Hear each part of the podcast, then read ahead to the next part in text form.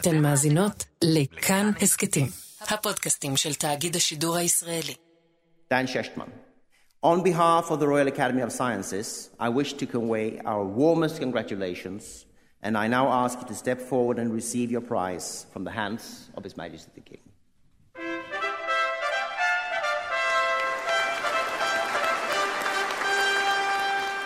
איזה נחת, איזו גאווה. פרופסור דן שכטמן מקבל פרס נובל. לכמה רגעים כל ילד פה ידע לדקלם מה זה קוואזי גביש, ואנחנו היינו על המפה.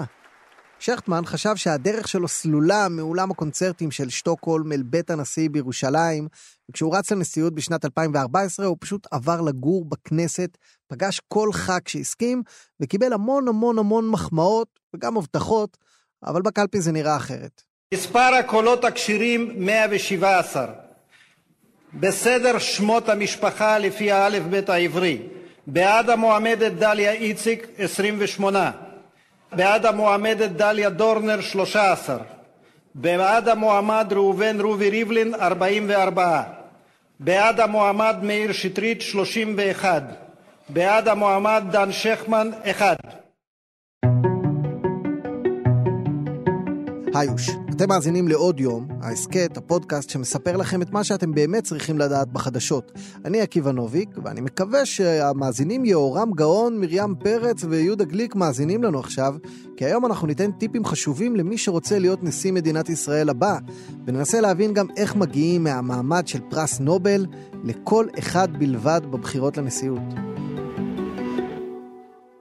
לפי כל הפרמטרים הוא היה המועמד.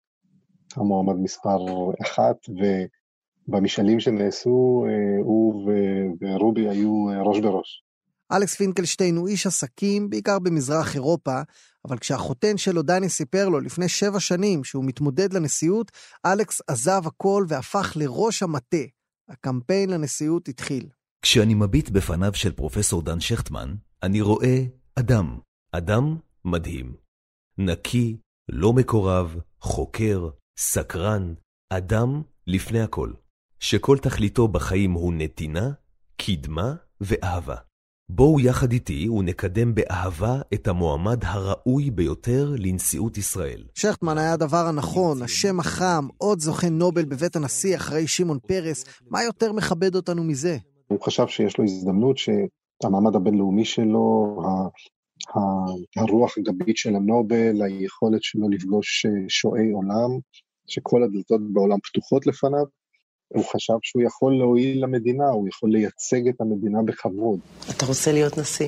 כן, אני חושב שאני יכול uh, לשנות דברים לטובה בארץ הזאת.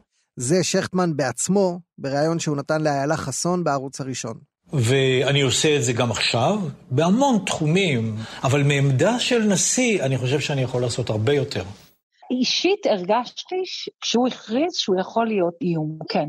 זאת אמילי מואטי, שניהלה אז קמפיין מתחרה, זה של רובי ריבלין. תשמע, זה בסך הכל בן אדם, זה אחרי פרס נובל, זה אחרי כברת דרך מאוד משמעותית שמעטים מאיתנו זוכים לה בכלל בחיים האלה. אז אני חושבת שהוא היה בטוח שאתה יודע, הוא רק יצטרך אה, להגיד שהוא פה, ומיד אה, הכוכבים יסתדרו סביבו, וזה לא קרה. ולכוכבים האלה יש ממש שמות, 120 כוכבים שבוחרים את הנשיא הבא. אז תהיו איתי לכמה רגעים ואספר לכם איך בוחרים נשיא בישראל. כדי להצטרף למרוץ לנשיאות צריך חתימות של עשרה ח"כים, ואסור לח"כ לחתום פעמיים. זה מבחן סינון ראשוני כדי שלא יגיעו סתם אנשים חסרי סיכוי.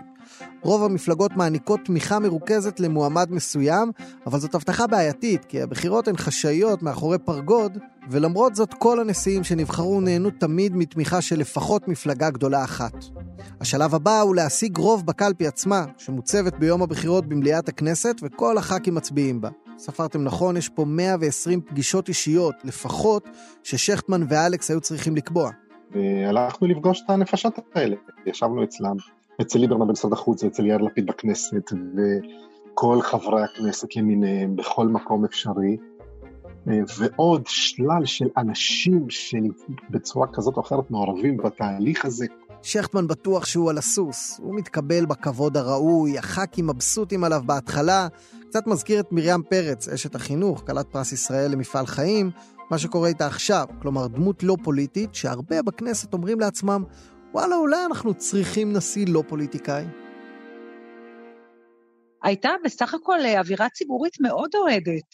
וגם בכנסת, אתה יודע, אני זוכרת שהיו דיבורים על זה שיש עתיד ילכו איתו, אה, אז אני מזכירה לך שיש עתיד היו עם 19 מנדטים.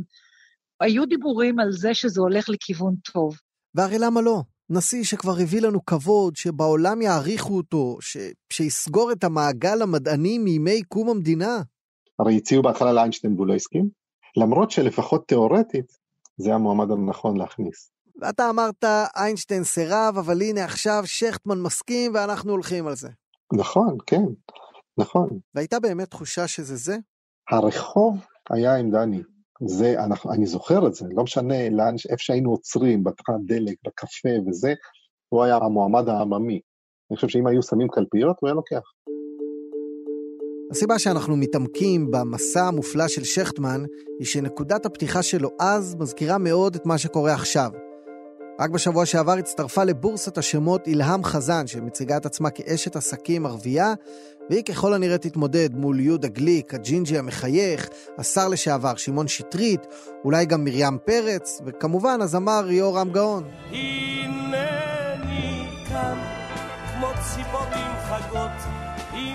כדאי לכל האנשים שחולמים להיות נשיאים לנצור את הרגעים של ההכרזה על המועמדות, של הריגוש, של המחמאות, הפרגונים, כי מכאן זה רק ילך ויהיה יותר מסובך. דבר ראשון, אני מציע שכל אחד יחשב באמת את מה הסיכויים הריאליים שלו, ואם הוא חושב שהסיכויים לא מספיק טובים, עדיף לו שלא יתחיל עם זה בכלל.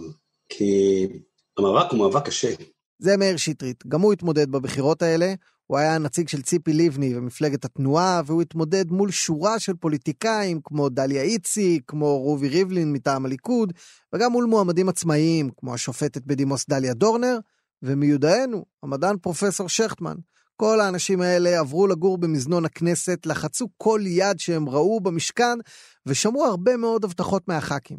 צריך לדעת אם אומרים כן זה כן, או כן זה אולי, או כן זה לא. זה חושים שאתה מפתח עם השנים, מערכת פוליטית, להבין עם מי אתה מדבר, ועד כמה באמת האמירה שלו שכן זה כן.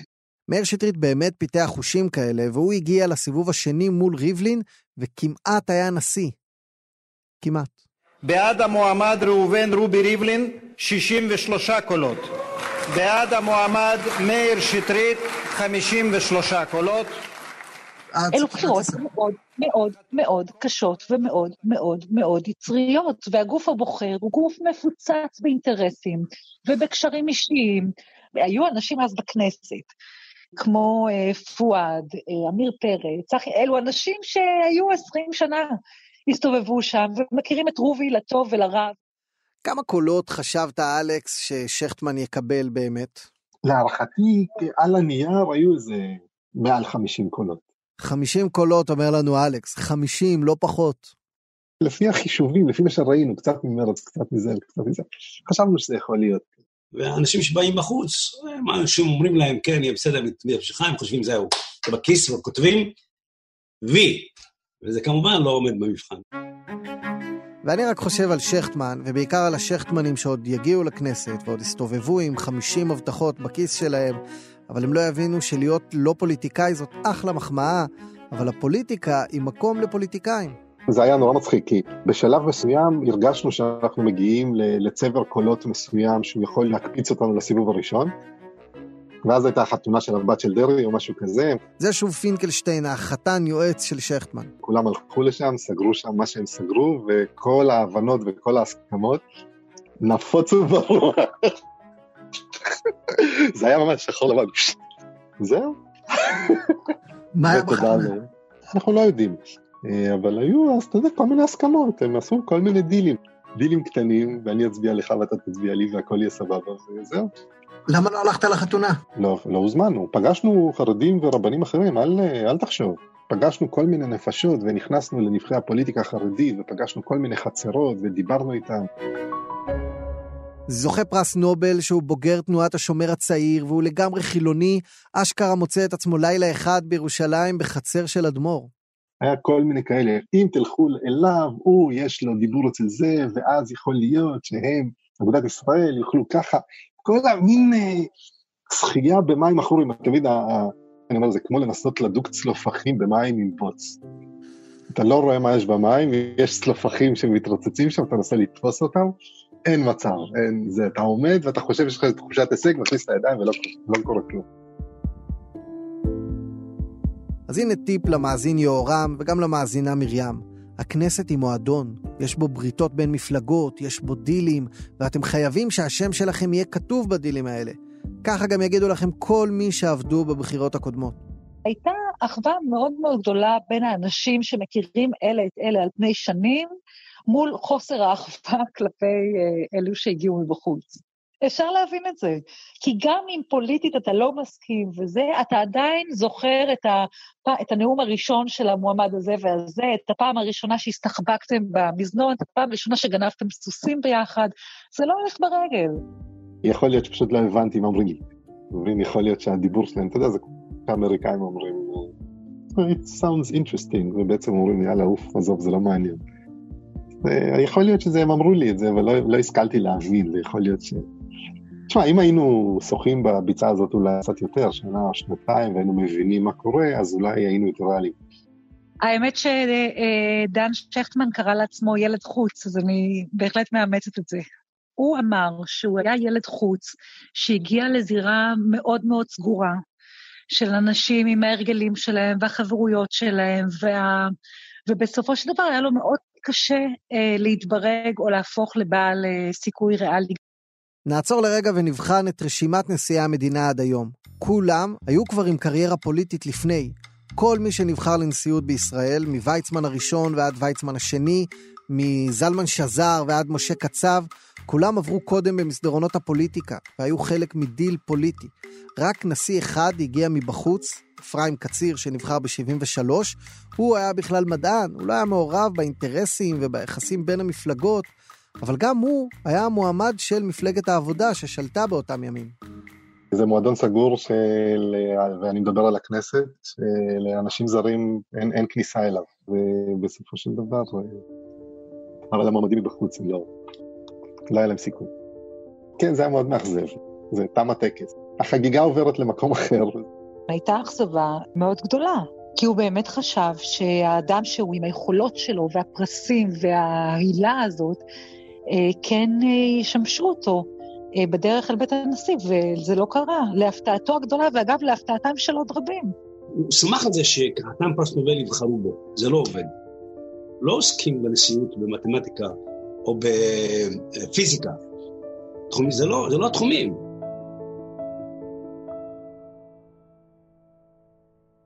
אבל למה לעסוק בעבר, כשאנחנו פודקאסט שמסתכל קדימה, שמנסה לתת עצות לשכטמנים הבאים, לאנשים הראויים שעכשיו מתחממים על הקווים? אז הנה כמה כללים של עשה ואל תעשה, אם אתה רוצה להיבחר לנשיאות. קודם כל, מרוץ לנשיאות צריך להתחיל בין שנתיים לארבע שנים לפני המרוץ עצמו. כלומר, אני מתאר לעצמי שמי שרוצה להיות נשיא אה, עכשיו, הוא היה צריך להתחיל לעבוד כבר לפני שנתיים. איזה טיפ היית נותן ליורם גאון נגיד? ליורם גאון? לא להיכנס. אם אין לך שום דרך ושום יכולת להציע משהו בעל ערך לחברי כנסת, המשחק, אתה אין לך מה לעשות שם. חבל על הזמן שלו. בשביל מה? להוציא, לעשות את כל המאמץ הזה, הכסף הזה. אבל אנחנו רוצים לשבור את הפסימיות. לא כולם בהכרח יסיימו כמו שכטמן. אולי הפעם מרים פרץ תפתיע עם הפופולריות האדירה שלה? אולי כל הפעמונים של יהורם יעשה את זה לח"כים מאחורי הפרגוד? אולי נשיאה ערבייה כמחווה לחברינו החדשים באמירויות, בבחריין? אולי נשיא ג'ינג'י, כמו שהיה באמריקה? דבר אחד ברור, במדינת ישראל, ראוי או ראויה ככל שתהיו, כדי להיבחר לנשיאות אתם חייבים לעבור בדיל פוליטי, ובעצם להפוך בעצמכם לפוליטיקאים ממולחים. האזנתם לפרק של עוד יום, תודה לדניאל אופיר, לניר גורלי ולנועה אקסינר שערכו את הפרק הזה. תודה להדר רשתי שסייע בהפקה, לרחל רפאלי על עיצוב הפסקול, תודה לכולכם. אם אהבתם את מה ששמעתם, אל תשמרו בבטן, ספרו לי, אני מבטיח להגיב, תעשו לייק בדף בפייסבוק של כאן הסכתים, תשלחו לי בטוויטר, באינסטגרם, איפה שאתם לא רוצים. לי קוראים עקיבא נוביק. עוד פרקים מכל הטוב הזה ביישומון, באפליקציה של כאן, ובעצם בכל אפליקציית פודקאסטים שמכבדת את עצמה, רק שתהיו לי בריאים.